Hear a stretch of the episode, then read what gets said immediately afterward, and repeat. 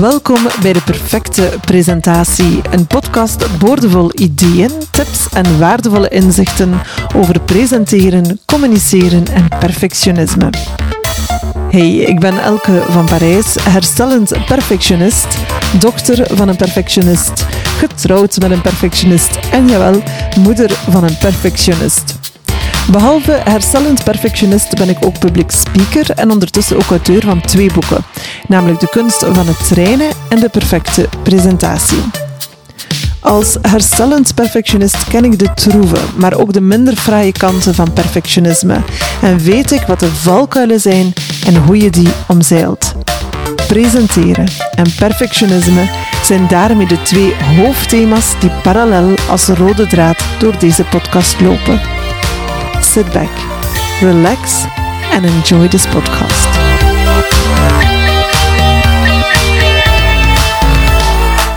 Welkom bij deze nieuwe aflevering van de perfecte presentatie. Een beetje een speciale aflevering deze keer in die zin dat ik een interview voor jou heb klaargezet. Een interview dat ik jou zo meteen zal laten beluisteren. Ehm, het is een interview met een van mijn vroegere klasgenoten, namelijk Freya Rowaard, die ik op mijn boeklancering op 30 november 2023 uitgenodigd had voor een gesprek. Dus je zal een stukje een introductie horen straks. Um, en dan ook het interview dat ik die avond onstage had met Freya. Nu, ik wil dat toch eerst wel een klein beetje kaderen, zodanig dat je alles heel goed uh, kan plaatsen. Nu, 30 november 2023 was dus mijn officiële boeklancering. En ik had het idee opgevat om daar een benefietboeklancering van te maken. Een boeklancering dus in het teken, volledig in het teken van het goede doel. En daar wil ik graag eerst een klein woordje uitleg over geven. Wat is dat goede doel? Wel, uh, ik wil heel graag het team van professor Dr. Bart Nijns van het UZ Brussel financieel een duw in de rug geven. En ik doe dat niet zomaar, ik doe dat omdat mijn collega Heike Petrus uh, op 19 november 2022 gestorven is op 34-jarige leeftijd aan de gevolgen van huidkanker. En omdat het haar expliciete wens was om dat team van professor Dr. Bart Nijns financieel te steunen. Zij was zich zeer bewust van haar levenseinde en zij heeft in de weken voor haar dood zelf het initiatief genomen om fondsen te werven, om centen te verzamelen, om dat team dat haar zo goed verzorgd heeft, dat haar zo goed begeleid heeft, toch wel te steunen. En ja, ik vind het gewoon ergens een magere troost, maar toch ergens wel een troost dat ik die laatste wens van Heike op mijn manier, met mijn initiatief, toch een klein beetje kan verder zetten. Nu, Heike was een fantastische collega, een fantastische vrouw. Uh, ja, echt uh, iemand waar ik enorm naar opkijk. Iemand ook die een zeer uitgesproken talent had voor presenteren. Dus ja, iemand die gewoon perfect in het plaatje van mijn boek De Perfecte Presentatie past. Zij heeft ook in mijn boek een heel prominente rol gekregen, zeker in het stuk rond storytelling. Um, daar vind je eigenlijk mijn volledig verhaal uh, van Heike van A tot Z. Um, uitgeschreven. Uh, dus daar kan je het ook allemaal eens nalezen. En ik hoop als je het leest, dat je zal zien wat voor een fantastisch persoon zij was. Zij verdient figuurlijk dan dat podium in mijn boek. En uh, zij verdient het ook dat haar initiatief dat ze opgezet heeft voor de ja, enkele weken voor haar dood, dat dat gewoon verder gezet wordt. Dus ik had het idee opgevat om de boeklancering, om, om de opbrengsten daarvan integraal door te storten naar het team van professor Bart Nijns. Dat is ondertussen ook gebeurd. En daarnaast wil ik ook graag een deel van de opbrengst van mijn boek afstaan aan datzelfde team. Nu, ik had dus op die boeklancering ook een vroegere klasgenote, Freya Rowaard, uitgenodigd uh, om verschillende redenen. Uh, de eerste belangrijke reden waarom ik Freya heb uitgenodigd is omdat ik heel veel parallellen zie tussen haar en Heike. Uh, parallellen in de zin van gedrevenheid, um, volhouden. Uh, dat waren twee dames, of dat zijn twee dames met een, ja, een veerkracht om u tegen te zeggen, onvoorstelbaar. Zowel uh, Heike als Freya, dat is gewoon immens, die veerkracht. En ook de positiviteit hè, uh, die ze alle twee uitstralen. Nu, Freya die heeft ook ondanks eh, ja, de miserie die ze in haar leven al meegemaakt heeft en ondanks het feit dat ze dus al meer dan twintig jaar um, getroffen is door kanker, heeft zij toch daar iets moois weten uit te maken. En iets moois daarmee bedoel ik een project dat zij in het leven heeft geroepen. Dat heet Klare Kijk op Kanker. Um, ik ga er zelf dan straks, of ik heb er zelf het woord gegeven ook tijdens de boeklancering om dat project heel kort eventjes toe te lichten. Dus zo meteen zal je horen waar dat project voor staat en waarom ze dat überhaupt in het leven heeft geroepen. Maar ik vind dat iets heel moois en inspirerends. Hè. Dus ondanks het leed dat zij doormaakt, uh, ja, is zij niet bij de pakken blijven zitten, maar heeft zij gedacht van oké, hoe kan ik uh, anderen, lotgenoten, uh, zoveel mogelijk helpen om hen dat leed te besparen. Of het leed toch een beetje te verzachten. Dus dat alleen al op zich vind ik fantastisch. Dus dat is de eerste reden. Dus zij heeft een, uh, ik zie heel veel parallellen tussen haar en Heike. En een tweede belangrijke reden waarom ik Freya heb uitgenodigd, is omdat zij in haar nieuwe rol als ambassadrice van Klare Kijk op Kanker, ja, ook haar presentatievaardigheden uh, heeft moeten bovenhalen. Ik vind haar net als Heike eigenlijk ook een natuurtalent. Uh, je zal dat ook zien als je die site bezoekt, klarekijkopkanker.be. Dan zie je daar heel veel foto's, uh, niet foto's, maar video's liever, van Freya. En dan zal je zien dat zij dat gewoon ontzettend goed doet. Dus chapeau voor wat ze daar al gemaakt heeft. En uh, tijdens het interview heb ik haar natuurlijk ook gevraagd wat ze geleerd heeft en cours de route, welke tips ze bewust uh, toepast. En dat zal u dus zo meteen horen. Nu, ik heb ook bewust het stukje voorafgaand aan het interview met Freya opgenomen in deze aflevering. En dat stukje dat is een uh, tekst van professor Dr. Bart Neens. Een tekst die hij heel speciaal ter gelegenheid van mijn boeklancering, van dat benefiet-evenement, heeft geschreven. Hij heeft een tekstje geschreven over zijn ervaring met uh, Heike, een heel aandoenlijke tekst, die ik zelf op dat moment um, niet over mijn lippen kreeg, maar uh, Christophe Stianlet, die mijn of die de presentatie heeft gedaan van mijn boeklancering, die heeft die tekst voorgelezen. En dat zal je dus zo meteen ook horen. Ik wens je veel uh, luisterplezier. En voilà, hier zijn Christophe Stianlet in naam van professor Dr. Bart Neens en Freya Rowaard. Ik ga Christophe op het podium halen, want ik heb dankzij de mensen van het Foundation UZ Brussel, um, want je weet, de opbrengst van deze avond, maar ook een deel van mijn boek, gaat gewoon integraal naar dat uh, fonds. De dokter, de begeleidende arts, um, heeft een heel mooi tekstje geschreven over Heike. Ik krijg dat zelf niet over mijn lippen, maar niemand beter dan Christophe die kan dat doen. En die gaat even nu de tekst van professor Bart Neens voor jullie voorlezen. Christophe, wil je erbij komen? Dankjewel, Elke. Dankjewel.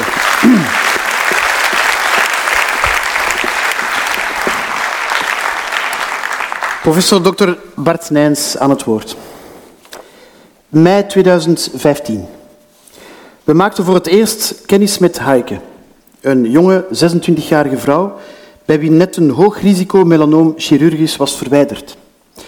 Uiteraard zien we nooit graag iemand zoals Heike terechtkomen in een dergelijke hoogrisicosituatie. Bij iemand die zoveel levenslust heeft, zoveel plannen en zoveel hoop, is de gedachte aan een slechte afloop een beangstigende en tegelijk onaanvaardbare gedachte. Wanneer de ziekte helaas terugkwam, verdween zeker niet de hoop dat we met de beschikbare middelen en nieuwe behandelopties het ergste zouden kunnen afwenden. En ook al waren er zeker momenten van zware ontgoocheling en angst, toch bleef Heike de moed vinden om alles wat nodig was te ondergaan om die ziekte klein te krijgen. Ze onderging ettelijke chirurgische ingrepen en ettelijke lijnen van medische behandeling. En zeker ook bij ons, het medisch team dat zorg droeg voor haar, leefde zeer sterk de hoop dat zij degene zou zijn die uiteindelijk wel zou reageren op onze behandelingen. Maar helaas bleek dit niet te lukken. Tot immense frustratie van ons hele team en immens diep verdriet bij Heike, haar partner, familie en vrienden. Dat we de afgelopen tien jaar belangrijke vooruitgang maakten bij het behandelen van melanoom staat buiten kijf. Maar dat we tegelijk ook nog steeds moeten afrekenen met het feit dat bij sommige patiënten deze vorm van kanker nog steeds niet klein te krijgen is, is evenals helaas zo. Wat me zeker zal bijblijven, is dat sommige van mijn jongere assistenten me toevertrouwden dat Heike net zo goed één van hun beste vriendinnen zou kunnen zijn. Dit geeft ook heel erg mooi weer hoezeer zij bewonderd werd en geliefd was. Ook door de artsen die ze haar vertrouwen bleef schenken, ondanks de immense frustraties die we jammer genoeg samen moesten beleven in de strijd tegen haar ziekte. Het enige, waar we vrede mee kunnen nemen, is dat al het mogelijke werd gedaan om haar te helpen de ziekte te overwinnen. En we hopen dat, mede geïnspireerd door haar moed, het onderzoek naar betere behandelingen ooit een oplossing zal kunnen bieden voor deze vreselijke ziekte. We gaan even een ongelooflijk applaus geven voor Heike, dames en heren.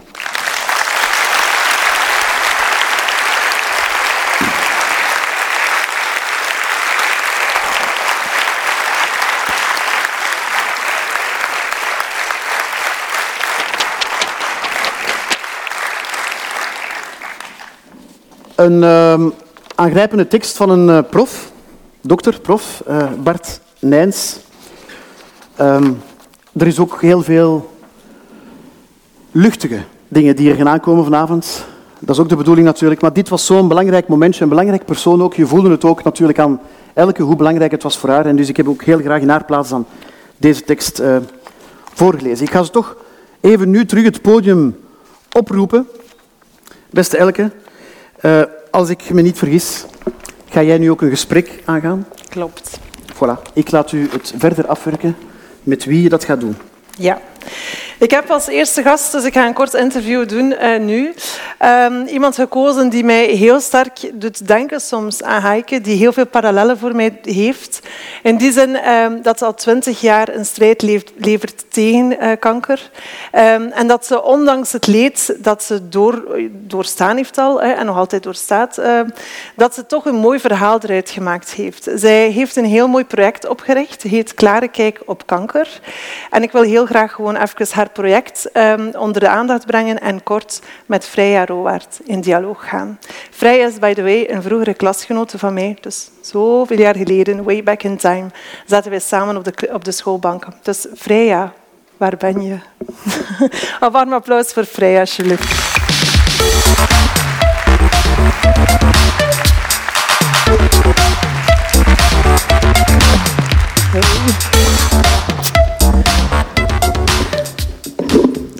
Freya, net zoals Heike, iemand die voor mij heel veel veerkracht en positiviteit uitstraalt.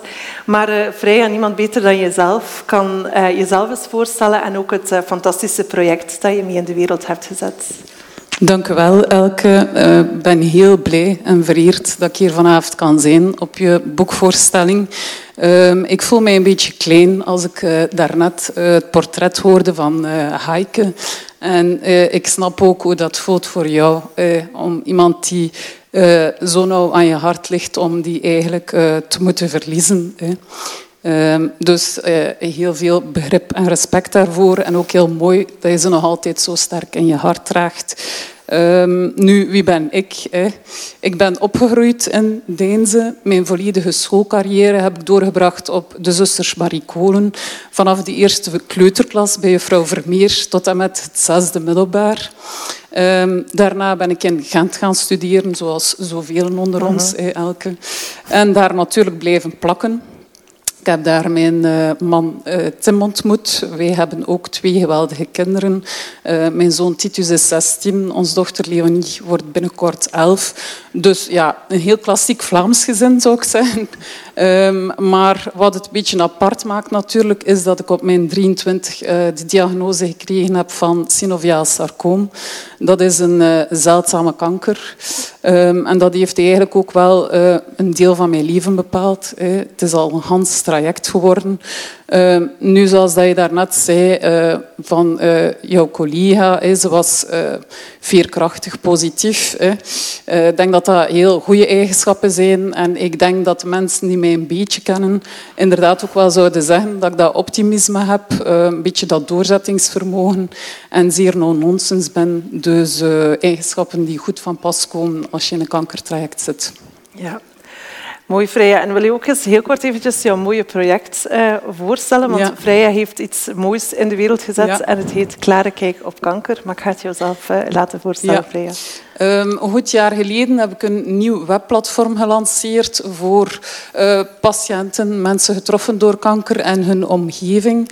Ik wil uh, graag uh, andere patiënten, lotgenoten inspireren, informeren en ook een vast bieden eh, doorheen dat traject. Um, want het is niet altijd simpel. Eh. Er komt heel veel op je af, heel veel moeilijke begrippen. En op de website vind je eigenlijk heel veel video's die natuurlijk gelinkt zijn aan kanker en hoe dat je ermee kan omgaan. En anderzijds ook de woordenschat, waarin dat, dat moeilijke medische jargon eigenlijk uitgelegd wordt.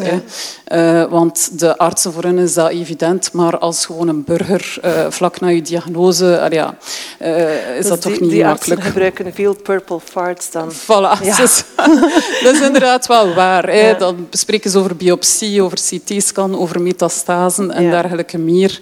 Um, het is algemeen geweten ook dat mensen als ze een diagnose krijgen eigenlijk maar 30% onthouden van wat dat er wordt ja. gezegd op dat moment. Dus laat staan dat dat eigenlijk bijblijft uh, op dat moment. Ja.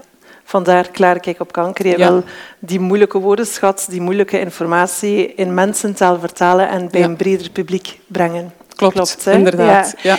En uh, wat me daar ook in getriggerd heeft, je hebt natuurlijk ook heel veel presentatieskills nu nodig, want Freya maakt heel mooie video's. Ik vind dat je dat echt heel knap Dank doet. Hè. Plotseling uh, zien we haar heel vaak uh, voor de camera staan. Ja. Maar um, is er zo'n bepaalde truc die, die je geleerd hebt, zo gaandeweg, om die moeilijke informatie toch heel breed begrijpbaar te maken voor zo breed mogelijk publiek? Ja.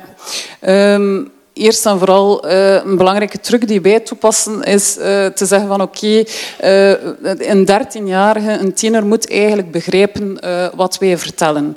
En als die het begrijpt, dan zijn we zeker dat eigenlijk het grote publiek ook zal snappen waar dat wij naartoe willen.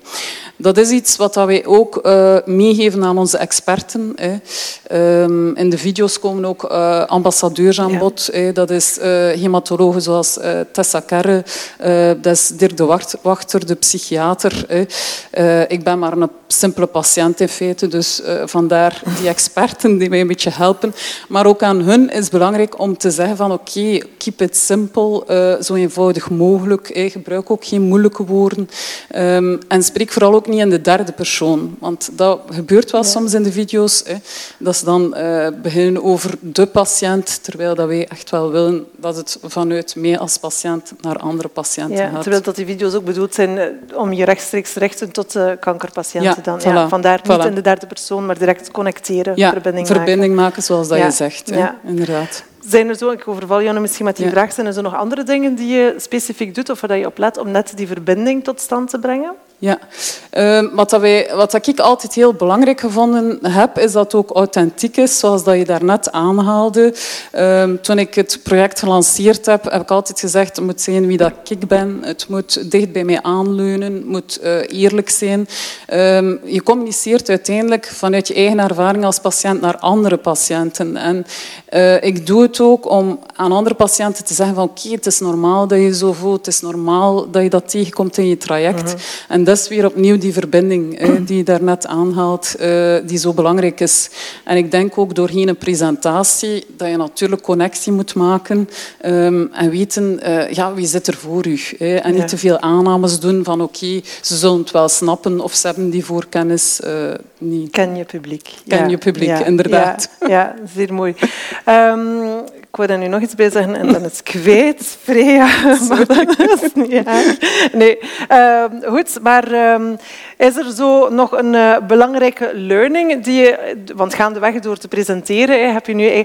Ja, ik weet wel opnieuw wat ik ging zeggen. Ik ga even mee... Dat mag, hè. Dat is lekker terug, perfect, dat mag. Ja. Nee, in, jouw, uh, in een van je video's, want ik heb natuurlijk een aantal van je video's uh, bekeken, uh, leg je heel duidelijk uit van hoe moet je omgaan als vriend of als uh, familielid uh, tegenover een kankerpatiënt. Ja. En je was nu niet de eerste, maar het was goed dat ik dat nog een keer herhaald hoorde door jou. Die zei van dat woord van heeft gestreden tegen kanker ja. of strijd tegen kanker, laten we dat gewoon allemaal een keer bannen. Ja. Want dat, dat voelt niet, niet oké okay aan, hè? had ik begrepen? Ja, dat is waar. Hè. dat is een beetje dubbel. Er zijn patiënten die heel graag dat woord in de mond nemen, strijden tegen kanker. Ik begrijp dat, dat is een goed recht. Ik zelf heb daar persoonlijk een beetje moeilijk mee. Want uiteindelijk is kanker een ziekte dat je overkomt. Je hebt daar niet zelf voor gekozen. En uiteindelijk zijn dat je eigen cellen die ongecontroleerd gaan delen. Dus ja, strijden tegen kanker dan eigenlijk een beetje strijden tegen je eigen lichaam. Mm. Ja, een beetje vreemd. Hè? Maar die metafoor kan sommige patiënten wel helpen doorheen hun traject om daar door te gaan. Uh, zelf heb ik het liever over uh, mensen getroffen door kanker, omdat iedereen dan dat kan invullen zoals dat hij dat zelf uh, wil en aanvoelt. Dat is ook een beetje zoals, ik ben een survivor ehm, van kanker. Ik vind dat ook heel moeilijk. Ik ben al verschillende keren hervallen. Um, dan denk ik ook, ja, ben ik een survivor? I don't know. Uh, ik weet niet wat dat mij in de toekomst brengt. Dus het is ja, inderdaad, eh, dat hebt enerzijds moeilijke medische jargon. Anderzijds probeer ik toch ook eh, naar de omgeving te zeggen van let op welke woorden dat je in de mond neemt. Ehm, en oké, eh, ik ben niet van suiker gemaakt, dat is zeker niet waar. Maar ja, soms worden er wel een keer foute dingen gezegd. Ja, dus, ja, ehm, met goede bedoeling, goede intenties. Voilà, zeker en vast. Ja. Ik zou zeggen aan iedereen in de zaal, ga zeker eens een kijkje nemen op de fantastische website van Freya. Klare kijk op kanker.be. Heel veel mooie video's. Het is een presentatie Uh, dus heel graag een warm applaus voor Freya Rowaert. Dank u, Freya. Ja, ja.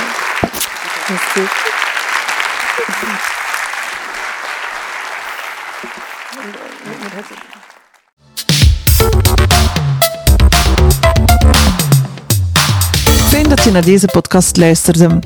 Wil je meer weten over presenteren en perfectionisme? Luister dan zeker ook naar de andere afleveringen van deze podcast en abonneer. Of volg als je geen enkele aflevering wilt missen. En nog beter, koop en lees mijn boek De Perfecte Presentatie. Je vindt de link in de show notes. Wil je mij graag boeken als spreker voor jouw organisatie of event? Ook dat kan. Neem in dat geval een bezoek aan mijn website elkevanparijs.biz of stuur een bericht naar elke.heydays.be. Tot later.